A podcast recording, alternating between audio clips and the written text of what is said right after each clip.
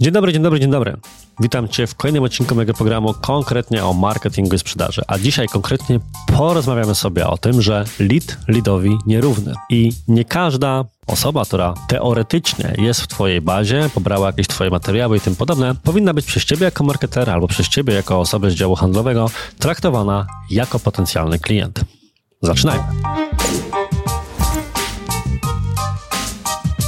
Surfowanie po sieci, bo tak się to w sumie nazywało, kurczę, zabrzmiałem teraz strasznie boomersko, w sensie kto dzisiaj mówi jeszcze o surfowaniu w sieci? No tacy ludzie jak ja. W każdym razie, przeglądanie internetu w 2023 to jest naprawdę jazda bez trzymanki.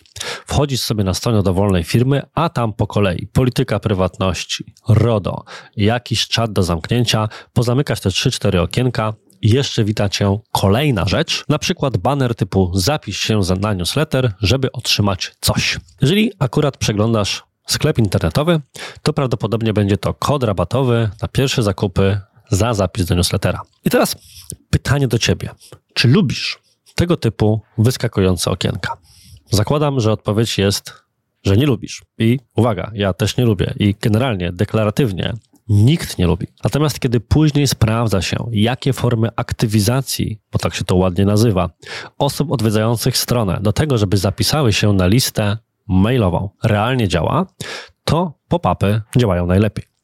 Więc jak coś jest głupie, ale działa, to nie jest głupie. I tak jest właśnie w tym przypadku, więc myślę, że jeszcze nie jeden X w prawym górnym rogu zamykający jakiś tam banner sklepu internetowego będziesz musiał bądź musiała w najbliższym czasie kliknąć. I to jest nasz punkt wyjścia. I teraz tak, w sklepie internetowym coś takiego realnie działa. Natomiast przenieśmy to na trochę inny grunt. Mamy na przykład firmę usługową, firmę, która sprzedaje droższe produkty, albo jakiś biznes B2B. Bardzo często schemat działania, który jest wdrażany w tego typu przypadkach jest bardzo podobny, czyli też wchodzimy sobie na stronę, ciach, dostajemy jakimś okienkiem, najczęściej jakimś e-bookiem, webinarem czy innym materiałem kontentowym, jakąś treścią przygotowaną przez marketing danej firmy i mamy to pobrać. Pojawia się bardzo proste pytanie.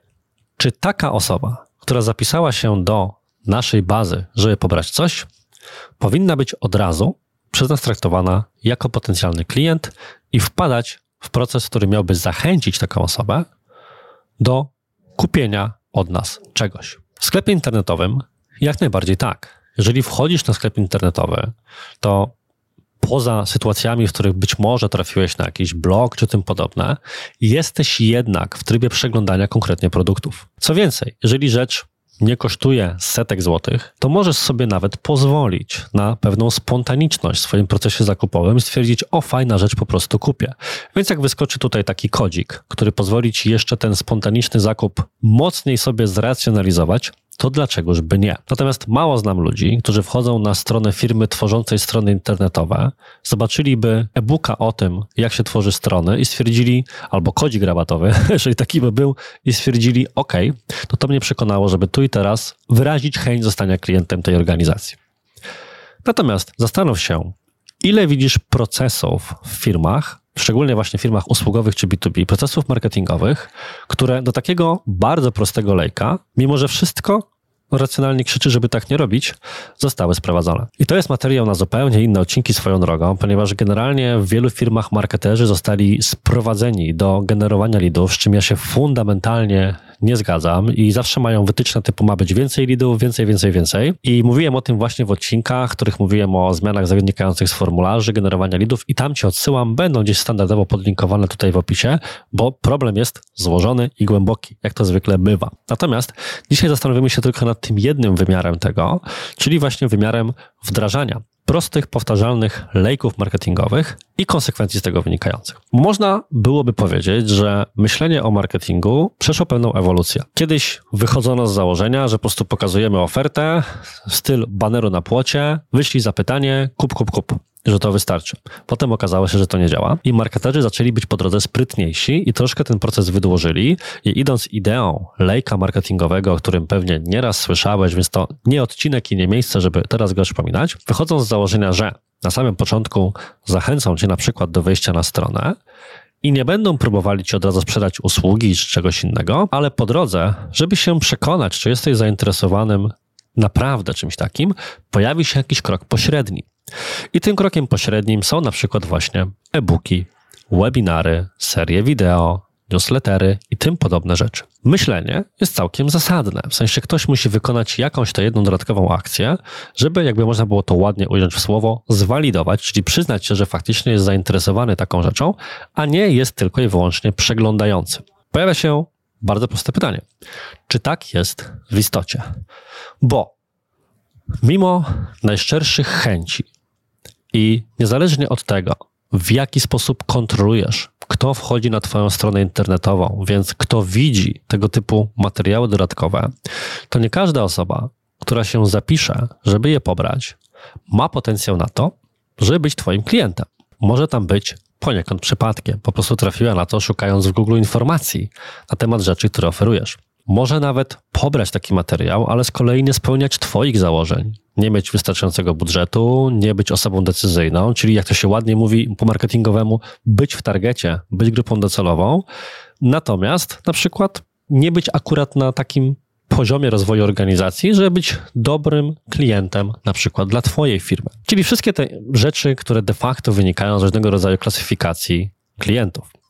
I właśnie z tego powodu w terminologii marketingowej, tak, bo znów po, posłużymy się odrobiną akademickości, daj mi tę minutkę jedną, funkcjonuje takie ładne pojęcie jak MQL, czyli z angielskiego Marketing Qualified Leads. Można by się teraz wdawać w bardzo długą dyskusję na temat tego, że wpada jakiś potencjalny kontakt do potencjalnego klienta i on następnie musi być przez ciebie różnymi metodami sprawdzony, jeżeli okaże się, że spełnia wszystkie kryteria, na których ci zależy. Właśnie klasyczny handlowy band, handlowcy wiedzą o czym mówimy, tak? czyli budżet, właśnie decyzyjność i tym inne te pozostałe rzeczy, to on staje się w tym momencie MQL-em, czyli leadem sklasyfikowanym.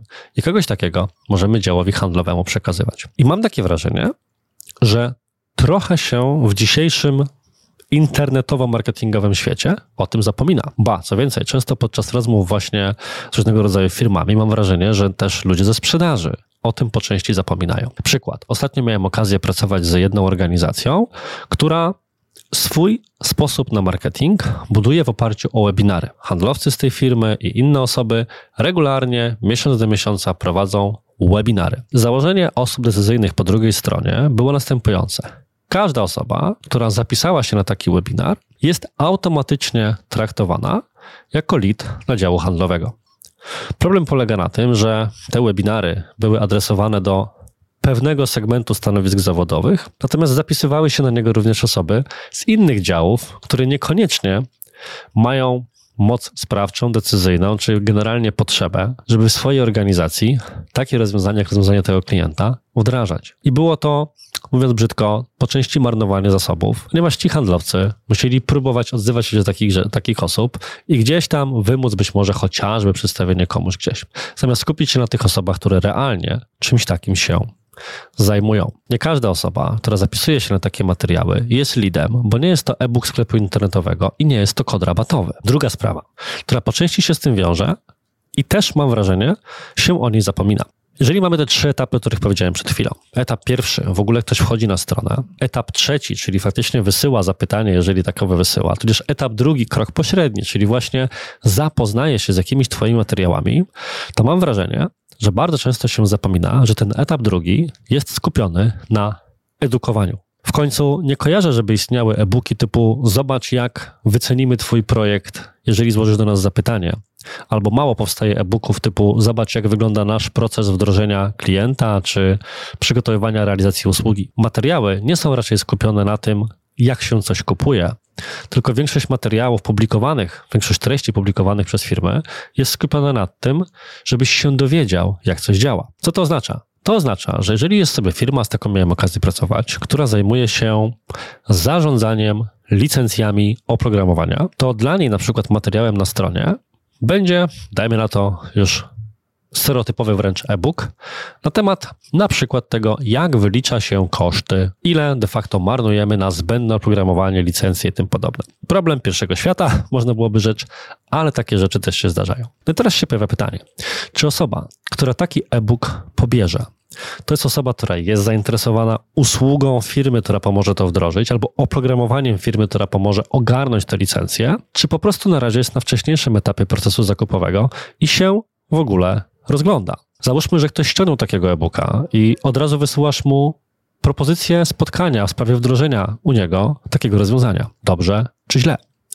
W takim e-booku mogą być komponenty, które mają za zadanie zachęcić kogoś do kontaktu w tym temacie. I jakby nie było, po to te materiały powstają. Właśnie po to, żeby właściwe osoby je ściągały, bo dzięki temu wiemy, do kogo później adresować inne komunikaty. Ale właśnie, czy te komunikaty muszą być od razu sprzedażowe? Problem bardzo trudny. Natomiast wszystko sprowadza się do tego, w jaki sposób Kotler opisał swego czasu proces zakupowy klientów. Rzecz sprowadza się do pięciu etapów, gdzie w pierwszym mamy po prostu rozpoznanie problemu, w drugim poszukiwanie informacji, w trzecim rozważanie alternatyw i dopiero w czwartym decyzja, a piątym cały proces onboardingowy. Osoba, która ściąga takie materiały, na którym etapie będzie. Ciężko tak zredynkowo stwierdzić, czy jest to osoba, która ściąga ten materiał, bo jest tuż na etapie decydowania się na przykład na tego dostawcę tego typu rozwiązania, ale sprawdza, jak on opisuje swoje rzeczy, żeby się utwierdzić decyzji, czy może tak naprawdę na razie dopiero poszukuje pierwszych informacji, a może zastanawia się nad czymś innym, ale przy okazji sprawdza to jako alternatywę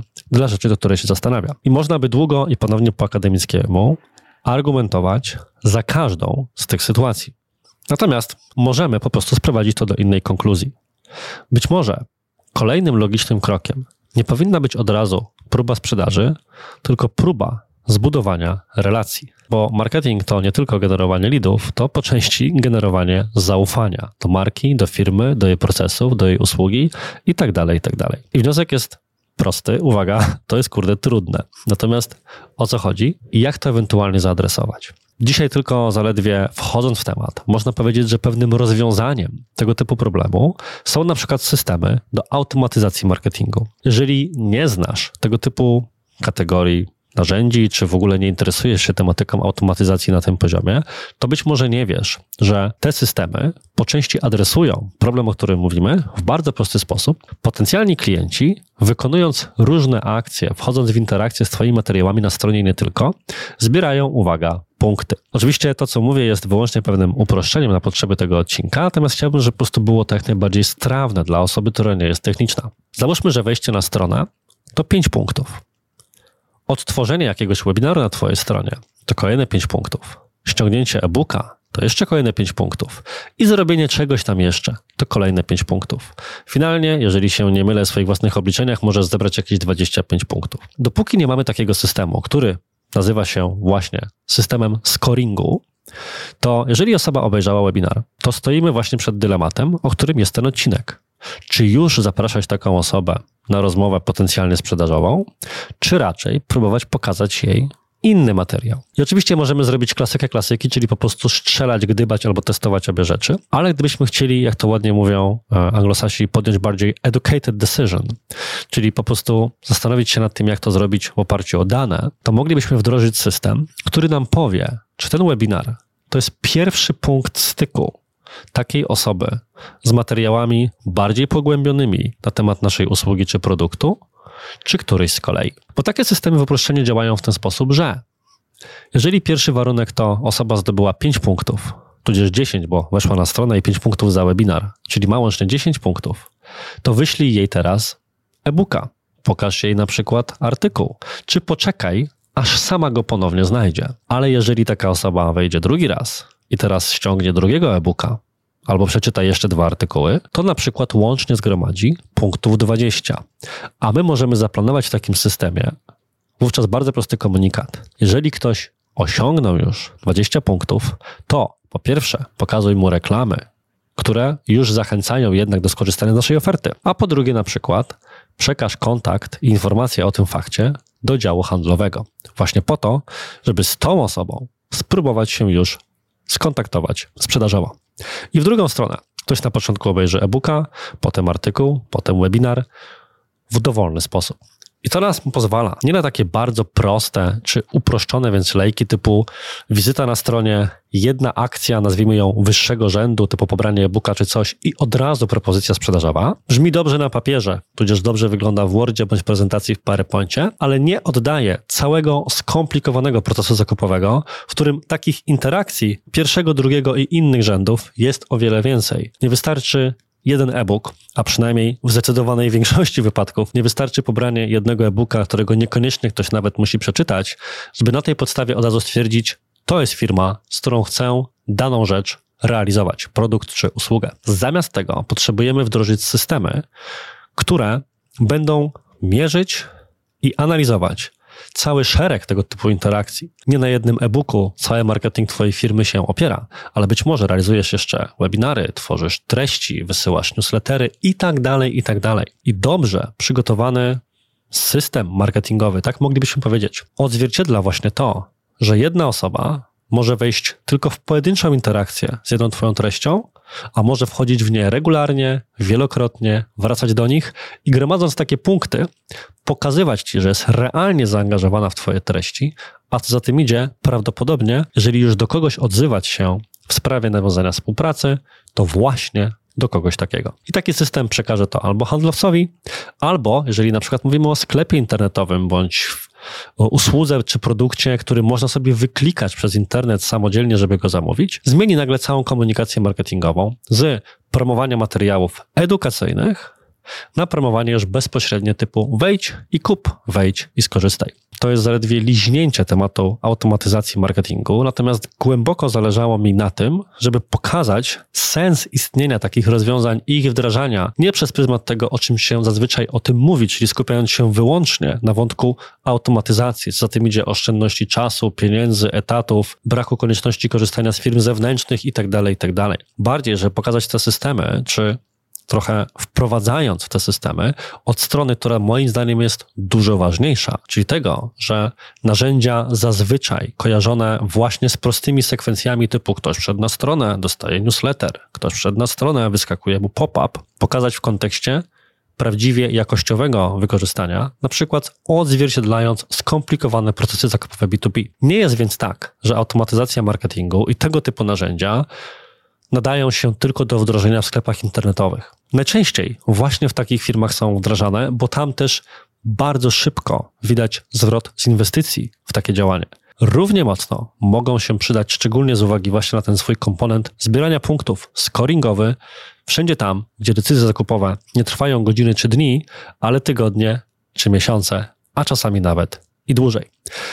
Zastanów się więc nad tym, o czym w mniej lub bardziej filozoficzny, jak to czasami ja mam zwyczaju w niektórych odcinkach sposób, starałem się dzisiaj powiedzieć, że nie każdy klasycznie wdrażany lejek marketingowy, prosty, wydawałoby się sensowny, dobrze oddaje sposób podejmowania decyzji przy niektórych droższych produktach, droższych usługach, czy po prostu generalnie w branży B2B. Oraz nad tym, że nie każdy kto teoretycznie wyraził zainteresowanie Twoim produktem czy usługą, tak naprawdę nim zainteresowany jest, bo po prostu na tym pierwszym etapie czy przy pierwszej interakcji jest raczej nastawiony jeszcze na edukację niż na już rozważanie samego zakupu. Może być już chętny do zakupu, ale nie musi i raczej częściej tak nie jest niż jest.